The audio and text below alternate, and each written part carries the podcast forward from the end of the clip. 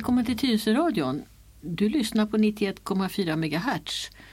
Och jag som pratar heter Lena Hjelmerus. Och nu kommer ett nytt nummer av Dr. Lenas hörna. Här i rummet så är jag ju som vanligt inte ensam, tack och lov. Den där stiliga eh, mannen menar du är med? Ja, eh, jag såg att du hade undertecknat med Läkman. Ja, just det. Med Ä. Med ä, ja, ja. Vi som kommer inifrån landet vi säger ju ä ordentligt. Ja, men alltså det är bara för att du är läkare så Ja. var jag läkman. Ja, annars skulle man ju säga att jag var lekare och så kunde du vara lekman. Ja, just. Ja, så tänkte du. Ja. Hörru du, vi håller på med blodet och vi gjorde ett program som har legat på i tre veckor som handlade om lite blod allmänt och så pratade vi ganska mycket om röda blodkroppar. Men det är ju mycket att prata om blodet så jag tänkte vi skulle fortsätta på samma tråd. Vad tror du om det? Ja, har du något vettigt att säga så får du väl hålla, hålla på. Jag ska se om det är några frågetecken jag behöver rätta ut och ställa en fråga så du blir tydligare. Ja, vi hade där på slutet när vi var lite trötta ett litet missförstånd när jag pratade om eh, något och du var inne på något annat. Du var inne på blodgrupper och den lilla eh, signalen uppfattade inte jag riktigt. Men vi kanske skulle börja med det här med blodgrupper då. För det hör ihop med de röda blodkropparna. Jaha, alltså jag vet att vi pratade om vita blodkroppar och, och röda blodkroppar och varför man inte såg de vita blodkropparna när man blödde. Utan, då sa du att det var så dominant det röda. Och, och blåblodet pratade vi väl också om det var väl lite trams det där med. Men i alla fall. Eh, grupperna. Mm. Då, bör, då ställer jag frågan, så är det bara de röda blodkropparna som tillhör blodgrupper eller är det Ja, det, eller vi kan säga så här, blodgrupperna bestäms av de röda blodkropparna. För de röda blodkropparna de har ett litet, eh, ett litet eh, märke i kavajuppslaget. Du vet sådär som man brukar ha en knapp eller en flagga eller något märke eller någon sån här. Politikerna brukar ha det för att tala om Ja. vilka, så, så som om vi inte vet vilka de är, alltså Ja. Löfven och Kristersson och Ja, sådär. ja. Då har de en liten Ja. signal där på kavajslaget. De röda blodkropparna de kan ha antingen ett A-märke eller ett B-märke. Och så finns det några som har både ett A och ett B. Och så finns det en fjärde grupp som inte har något alls. Så vi har, det finns fyra olika varianter på märkningen på de här. Eller hur de röda, och det här är något vi ärver. Så att det har vi ärvt från vår mamma och vår pappa. Eh, och då är det så här att om man har ett A-märke då gillar man inte B-erna. Och har man ett B-märke så gillar man inte A-erna. Men man kan till nöds tolerera AB. Eh, och det här har att göra med då att eh, eh, kroppen bildar en slags, eh, vi kallar det för antikropp emot det här lilla märket som egentligen heter antigen. Då. Det är ungefär som i politiken. Mm. S och M, de gillar inte varandra. Nej. Men S och C och S och L halvgillar varandra. Ja. Kan man jämföra så? Lite grann kan man jämföra så. Och så kommer du ihåg jag berättade att när man hade konstruerat ett mikroskop så började man genast titta på blodkroppet och så såg man en massa. Och ganska tidigt där i början på 1800-talet så började man också försöka ge varann blod. Det gick ju inte alls. Det var ju katastrof. Folk, eh, det funkade inte alls. Och det förstod man inte riktigt varför det inte funkar. Hur gjorde de då? då? Ja, de försökte ju då med någon... Skulle man dricka blod? Eller? Nej, de försökte med att pumpa in blod från en till en annan. Ja. Det, det var man ganska tidig med. Men, men som sagt, det var helt misslyckat. Och det kunde man inte begripa med varför det var så, så, så svårt.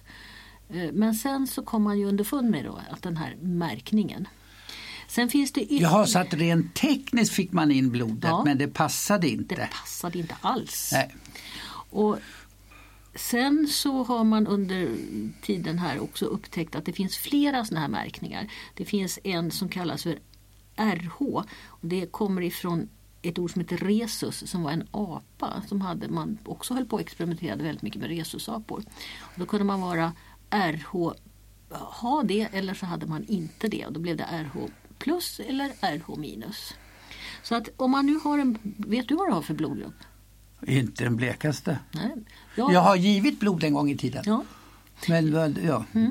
jag är nollnegativ och det är ganska eh, attraktivt faktiskt. För jag kan ge blod till vem som helst. Alla kan få blod av mig. Men... Är, är du en sån här eh, cent centerpolitiker eller vadå? jag vet inte vad jag skulle kalla, placera mig riktigt. Men däremot så kan jag bara ta emot ifrån min egen blodgrupp. Mm. När jag gjorde eh, lumpen, mm. militärtjänst, mm.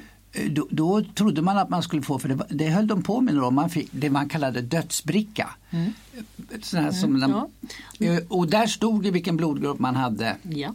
Varför skulle, om man inte var talför själv. Mm. Och, och, också vem man var så att de, de, visste vem de skulle skicka kondoleansbrev till. Och så. Men eh, ja, vi blev bortglömda på något sätt så jag fick aldrig min dödsbricka. Men det är kanske bara för att jag är odödlig, vad vet mm, man? Mm. Det finns ju då vissa blodgrupper som är lite vanligare än andra och så finns det de här lite sällsyntare blodgrupperna, de är det nästan alltid brist på. Jag var blodgivare en gång i världen men jag, jag var, orkade inte riktigt fortsätta med det, det var under min studietid. Men både min man och mina barn är blodgivare. Mm. Men visst är det väl så också, eh, jag var som sagt tidigare också, mm. men jag fick höra att när man gick på mediciner mm, då får man inte då längre. Får man inte längre. Nej, för det kan finnas medicinrester kvar då. Ja. Och likadant så är det ju vissa sjukdomar som man inte får ha. Eh, HIV bland annat men också olika former av hepatit, alltså leversjukdomar. En man får lämna blod fyra gånger per år men en kvinna får bara lämna tre gånger per år. Och det har ju att göra med att kvinnor förlorar ju blod när de menstruerar också. Så att det, det, man, när vid en blodgivning så tappar man faktiskt av 4,5 deciliter. Det är ganska mycket ändå. Men, men, när du säger det, eh, jag minns inte att vi pratade om det. Alltså om man tar ut 4,5 deciliter mm. blod mig så över tid får jag ju nytt blod av mig själv. Men hur skapas nytt blod? Det, det, bildas i benmärgen, det är fabriken. Men det som behövs för att bilda nytt blod det är järn och det tänkte jag återkomma lite till lite längre fram här. Jag ska bara säga att om man vill bli blodgivare så kommer ju faktiskt bussen, blodbussen hit till Tyresö. Och den kommer regelbundet och nästa gång den kommer det är 6 och 7 februari. Det finns en, en hemsida som heter Ge blod i ett ord nu. Punkt nu. Och där kan man se, det, blodbussen kan, har också en hållplats borta vid Annas pepparkakor och sen har den en hållplats borta vid Energikällan. Men där är det kanske inte lika vanligt att folk lämnar blod så att där tror jag man bokar in sig eh, att den ska komma just till de hållplatserna. Annars så finns det också den stora blodcentralen ligger inne vid Skanstull och det är många som går dit och lämnar blod. Mm. Men du det är blodgivare och sen ska någon... Eh, ja, Ta emot. Säger, Ja, förhoppningsvis mm. inte. Om alla får vara friska så är det ingen som behöver det. Men det, det händer ju olyckor mm. så att mm. folk behöver. Och då heter det transfusion har ja. jag förstått. Ja. Alltså det är ett konstigt ord. Varför vi säger blodgivare, det begriper man direkt. Vad är det för fint med, ja, med trans? Du, det, trans betyder ju genom och det är väl då att man, man ger någonting som då ska passa ihop.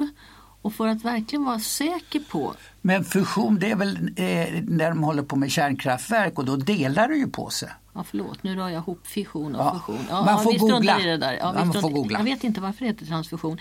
Jag brukar nog säga blodöverföring för då blir det inte så... Nej, det är dit jag är ja. ute efter. blodgivare begriper man ju direkt. Ja. ja. När, man ska, när man ska få blod då, då är det väldigt viktigt att det passar ihop. Och då tas det först ett prov för att bestämma blodgruppen. Och det gör man då så noggrant man kan. Det är alltså inte bara det här A, B, 0 eller plus och minus utan det finns också andra sådana här antigen om man testar det. Men sen så för att vara helt säker så det blod man ska få det gör man en så kallad korstest på först så man verkligen vet att det här passar. Sen är det så att eh, alla sjuksköterskor som är legitimerade kan ge blod. Men sen är det lite olika på olika ställen. På de äldreboenden där jag jobbar, där har jag som princip att sköterskorna ska kunna ge blod. Men det ska ju vara i fall som är lite planerade. Och det ska också vara, finnas en, en vana vid det. Och den som ska ta emot blodet ska helst ha fått blod förut så att man vet att de inte reagerar på något konstigt sätt. Men du sa tidigare, apropå då blodgrupper ska passa ihop sådär. Eh, det får man av eh, mamma och pappa. Alltså mm. man ärver sin blodgruppstillhörighet. Men vad jag förstår så finns det då, eh, ja, olyckor i, i eh, livet, alltså, alltså fostret Mm. kan få en opassande blodgrupp visavi sin mamma så att det Ja. där funkar inte ihop. Nej. Och mitt första barn, där funkade det bra men mitt andra barn hade, eh, skulle jag så att säga bli allergisk emot om jag skulle bli gravid en tredje gång. Ja. Och då fick jag en speciell spruta som man får. Man kollar alltså barnets blod, blod och så får för att hade inte jag fått den där sprutan och sen fått ett tredje barn som jag så att säga var allergisk mot eller allergisk mot mig inte passade ihop. Då hade det barnet ut, kunnat utveckla en väldigt svår gulsot. Det kan en del små nyfödda göra ändå, att de kan bli gula i skinnet. Och då får de ligga under en lampa, en speciell lampa för att blekna av. Det har säkert några varit med om att de har haft ett, en liten bebis som har blivit lite gul och fått ligga under lampa. Men det viktigaste är att man får den där sprutan så att nästa graviditet inte krånglar på något vis. Ja. Mm. Ja, ska vi säga mer om det här med blod, att få blod och ge blod? Jo, när man lämnar ifrån sig blod då är det ju liksom hela alltet blod och det, det kallas ju helblod. Men sen så på blodcentralen så skiljer de, delar de upp det i de fasta eh, röda blodkropparna och i plasman. Och så brukar man också försöka ta bort de vita blodkropparna och man brukar också ta bort blodplättarna för sig. Så att när man får blod, när man får en sån här blodöverföring, då får man bara röda blodkroppar i allmänhet. Och på lite sjukhusslang så kallas det därför att man får gröt, för det är lite tjockare. Plasman den används sen i andra situationer. Den kan användas till immunglobulinsprutor till exempel och den kan användas till eh, ja, o- patienter som behöver eh, just den delen. De vita blodkropparna de är så specifika och de, de har man inte lika stor glädje av. De, de kommer ju med på köpet när man tappar ur blodet men, men det är väldigt sällan som det är någon poäng med att ge vita blodkroppar till någon. Däremot så händer det ibland att man ger blodplättar. Och det är lite extra knepigt därför de, där måste man nästan hämta blodplättarna på blodcentralen, åka snabbt som sjutton och så ge det till den som ska ha det i, i ett flöde. För att de, de har svårt att tåla transport och det ska, här ska egentligen ske på en timme. Så att överföring med blodplättar, det är vi har gjort det i hemsjukvården men det är väldigt logistiskt knepigt. Det är bättre i så fall att man gör sånt på sjukhusen.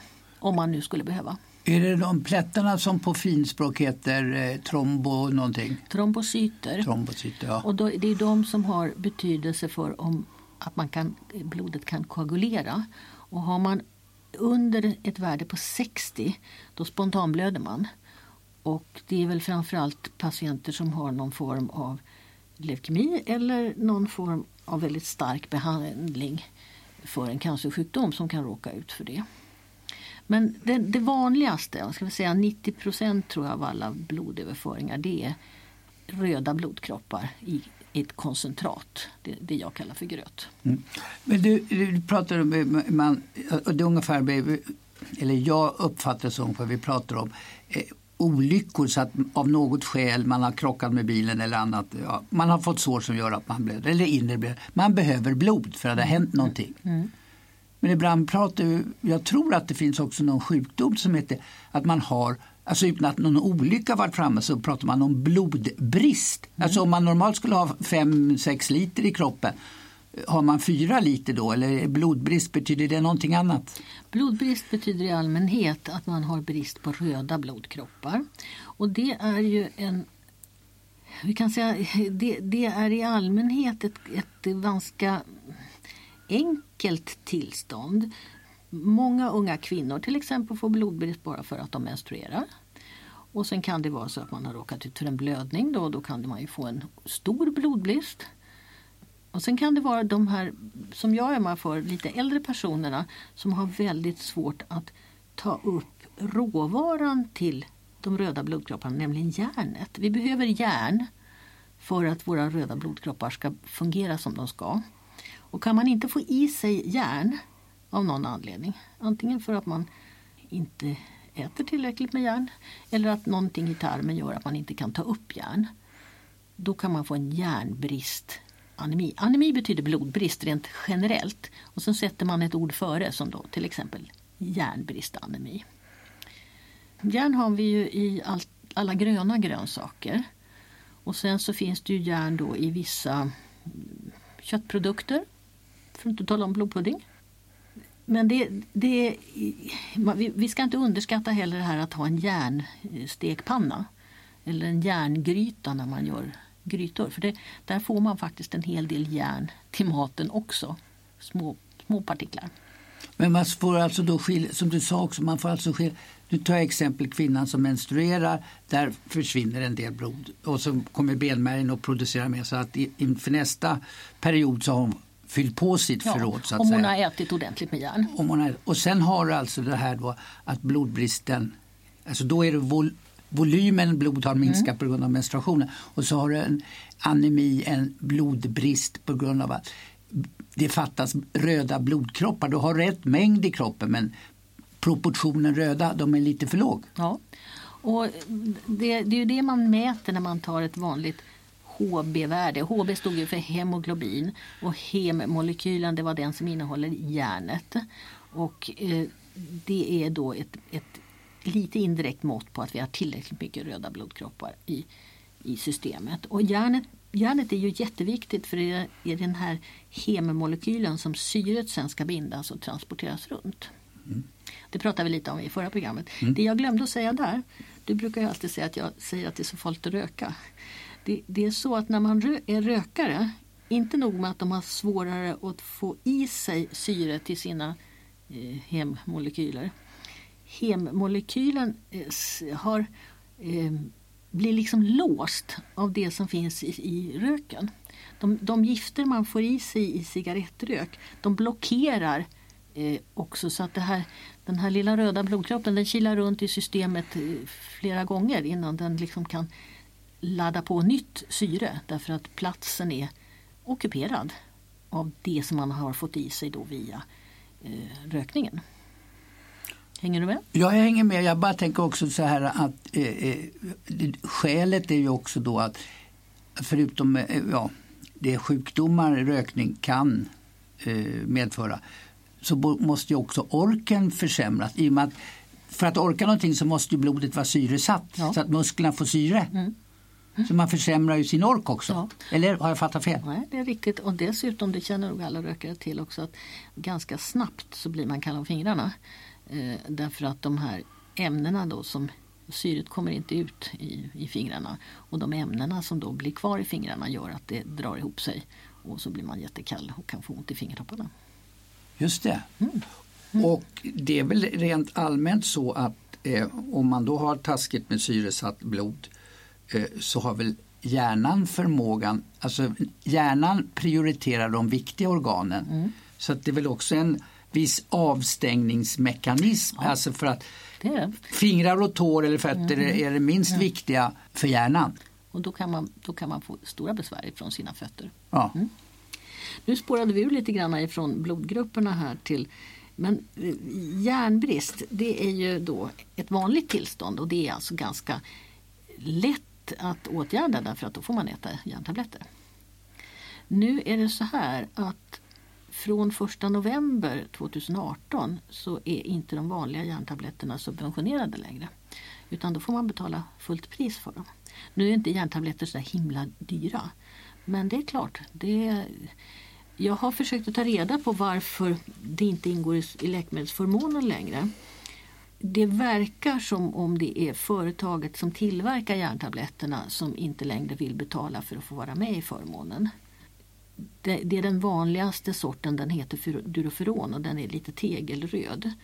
Sen finns det en annan sort som heter Feramin men den, det, har lite, det är lite sämre järn i den. Det är inte riktigt lika mycket och inte lika bra järn. Eh, sen finns det en, en, ny sort som heter Niferex och den har förut bara funnits som droppar till barn och gamla. Men den kommer nu i en tablett men även där är förmånen borta. Ja, vad gör man då? då? Ja, man får ju se till att man får i sig järn på något vis. Och, eh, du sa gröna växter? Ja, nässlor. Nässlor är bland det järnrikaste som finns. Där kan man faktiskt på hälsokosten köpa eh, torkade nässlor och man kan köpa nässeldroppar. Men om man jämför priset på att köpa nässlor och en tablett? Det vet jag inte. Nej, men då får de kolla det. Jag brukar plocka nässlor och frysa själv. Ja. Ett knep om man använder sig av järn i form av nässlor det är att blanda lite citron i det. För då tas järnet lättare upp ifrån det här där det ingår i någon grönsak. Så att gärna om man nu håller sig till broccoli och nässlor, grönkål, att man har lite citron i dressingen. Ja, jag får in i mitt huvud att det finns också då, du ser, det finns god kost för det där mm, man söker att få mm. i sig. Men det finns också saker och ting vi kan äta som förhindrar, om det är kaffe eller te sägs ibland man inte ska ta i samband om man nu Ja, vi kanske får ta hit en dietist. Ja, jag tror att just om man, är, om man är lite yngre och frisk så är det nog inget svårt att ta upp järnet. Däremot mina äldre patienter de har ofta mediciner mot magkatarr. De heter ofta Omeprazol eller någonting åt det hållet. Esomeprazol kanske. Och där kan man, sådana tabletter finns också receptfritt i en liten förpackning på apoteket. det är många människor som är lite stressade som, som stoppar i sig sånt där. Och då får man genast mycket svårare att ta upp bland annat järn ifrån mage och tarm. Mm. Ja, sen finns det en annan sån här anemi eh, som inte har med järn att göra utan har med ett vitamin som heter B12. Finns väl i öl tror jag. Nej, det är nog andra. Det är B6 och B1. Ja, B12 finns i lever. Och innan man kunde tillverka B12-tabletter, vet du vad man fick göra då? då? Nej, ingen aning. Man fick äta rå lever, annars dog man. Härligt ja. att man... Ja. ja visst, rålever. Du, mosad, krossad, mald. Det, det, var, det var en stor upptäckt när man kunde tillverka B12 i tablettform. För det här är också en relativt vanlig eh, anledning till blodbrist, framförallt upp lite äldre personer. För B12 det ska man också kunna ta upp från magsäcken. Och det är lite komplicerat just hur kroppen bär sig åt för att ta upp det här B12 och ibland så funkar inte det och då får man en B12-brist. Och då får man, den, den heter till och med perniciös anemi och perniciös det betyder farlig. Så att det här med den råa levern det var det första framsteget och sen så, så småningom så kunde man göra tabletter. Nu kom jag på att vi har hållit på med perniciös och, och transfusion och eh, trombocyter. Ni har ju det här språket bara för att inte vi som patienter ska begripa hur illa ställt det är. Så är det väl? va? ja, ibland kan man ju undra liksom varför. Men perniciös anemi finns det faktiskt, ja då kan man säga B12-brist.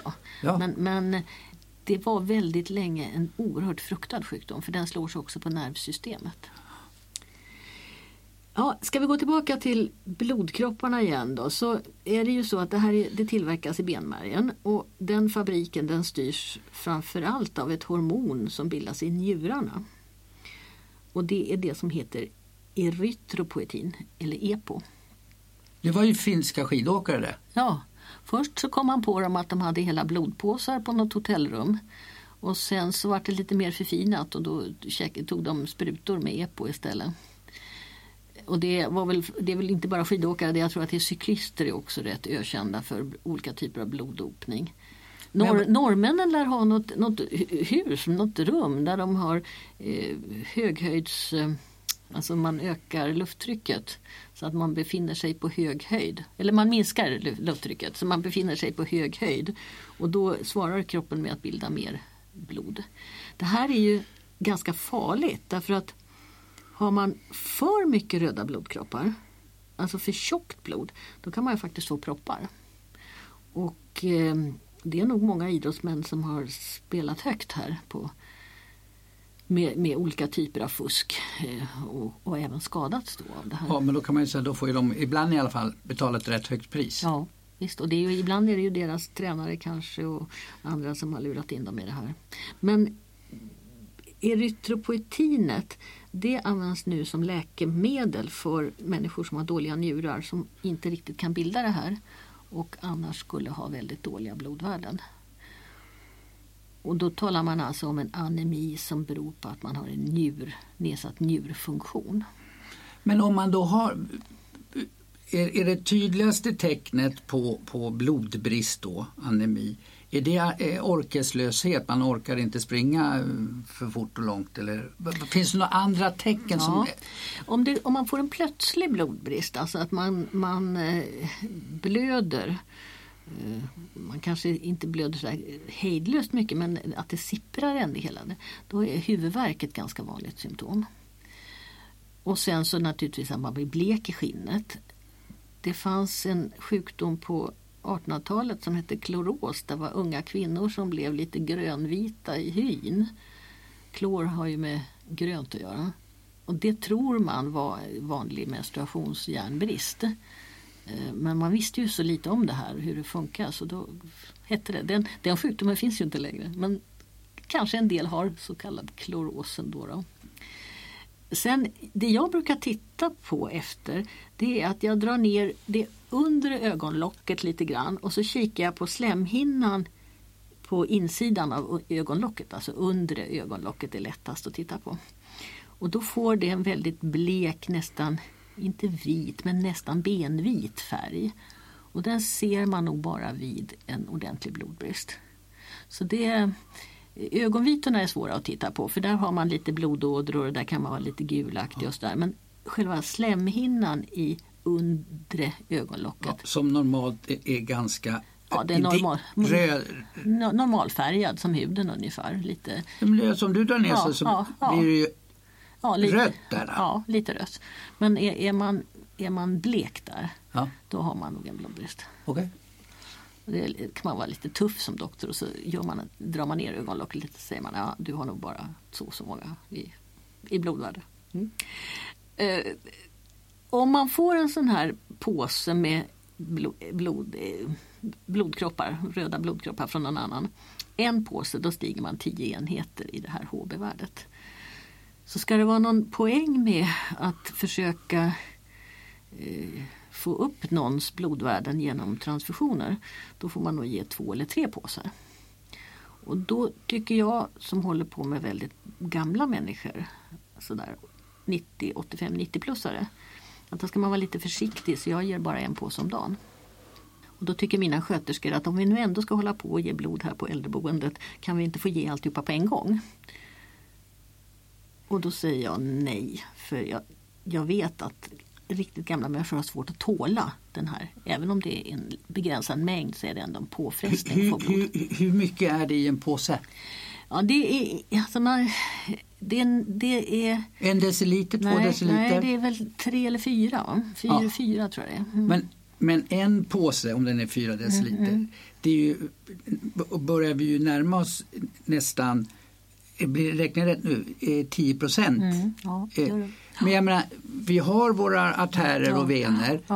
Det, det, är ju en viss volym inne i kroppen. Om man då mm. lägger på 10% då måste de här ju utvidgas. Ja, alltså det är hjärtat som får pumpa lite mer och njurarna som får Ja, men det ska ju få plats också. Ja, men det får det. Så det, det är ja, men det måste ju artärerna, venerna utvidgas. Jag tänker alltså man får en stroke, alltså man, man får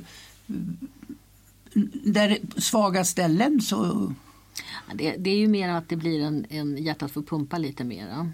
Men sen är det ju så att på sjukhus är man ju där är ju situationen ofta en annan. Där är någon som är nyopererad och behöver blod eller det är ett olycksfall. Någon som har blött kanske av en cancersjukdom eller någonting. Och, och där är sjuksköterskorna vana att man kan köra in då eh, tre, fyra påsar utan, utan problem direkt. Så att här här måste man tänka lite olika beroende på vilket ställe man jobbar på.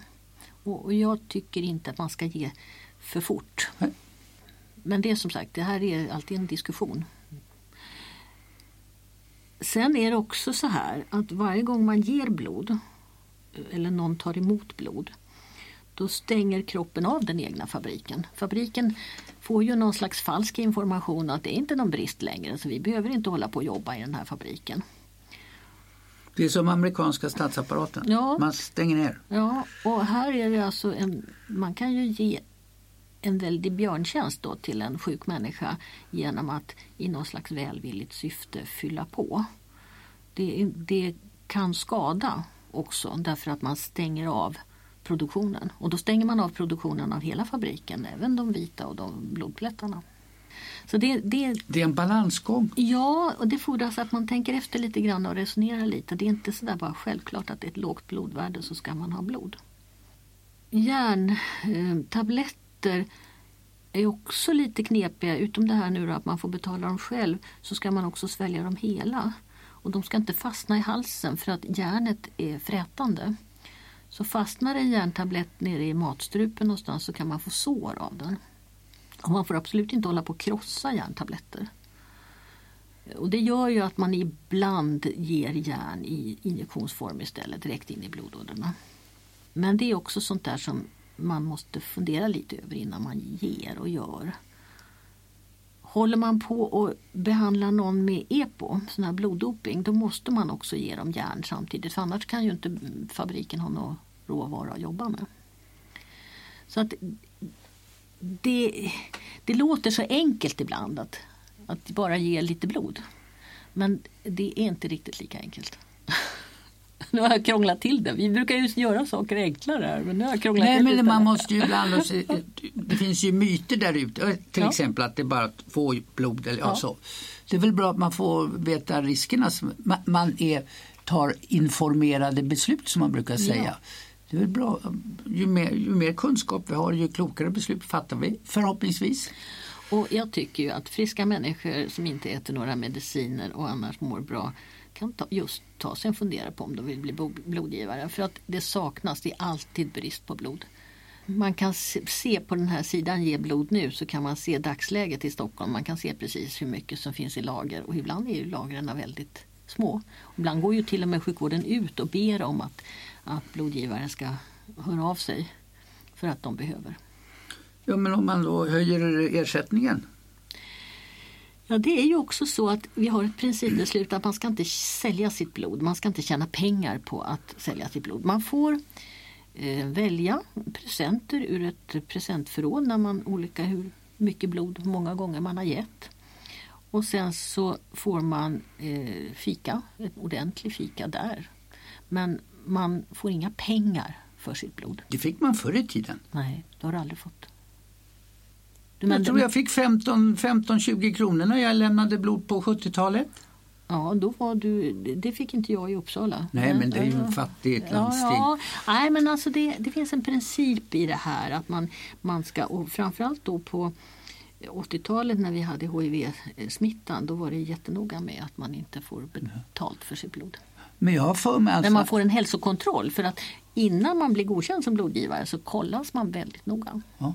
Jag, jag för mig det var så att man bland studenter pratade om just att få en extra veckopeng där och gå och ge blod. Ja, vi, vi, ja, det är min minnesbild. Ja, min, min är lite annorlunda. Ja, men ja. jag är inte säker. Jag ska inte säga säkert. Man får, man får höra med blodbussen. Ja. Ja, mm, det är kanske någon lyssnare som kan ge oss det rätta svaret på det där.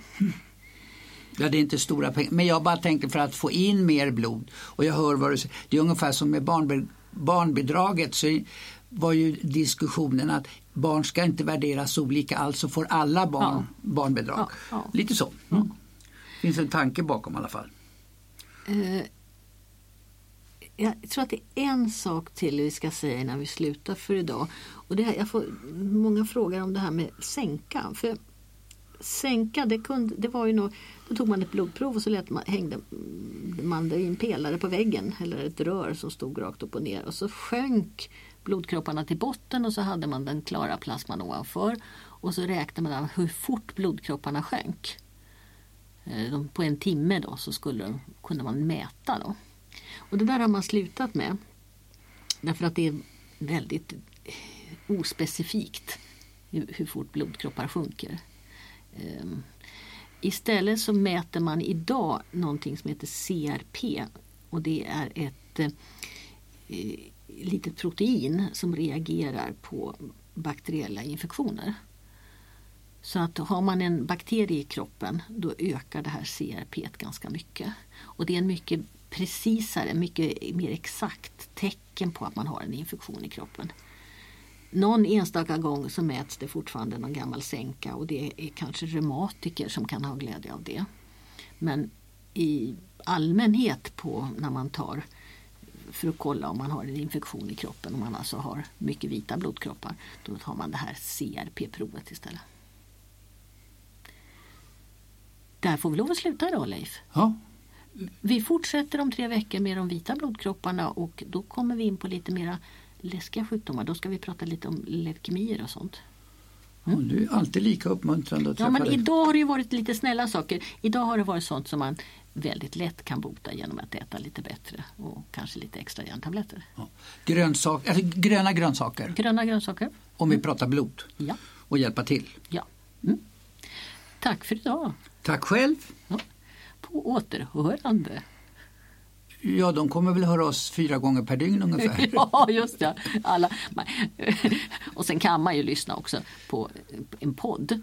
Och då heter det Radiodoktorn i Tyresö. Mm. Hej då! Hej hej!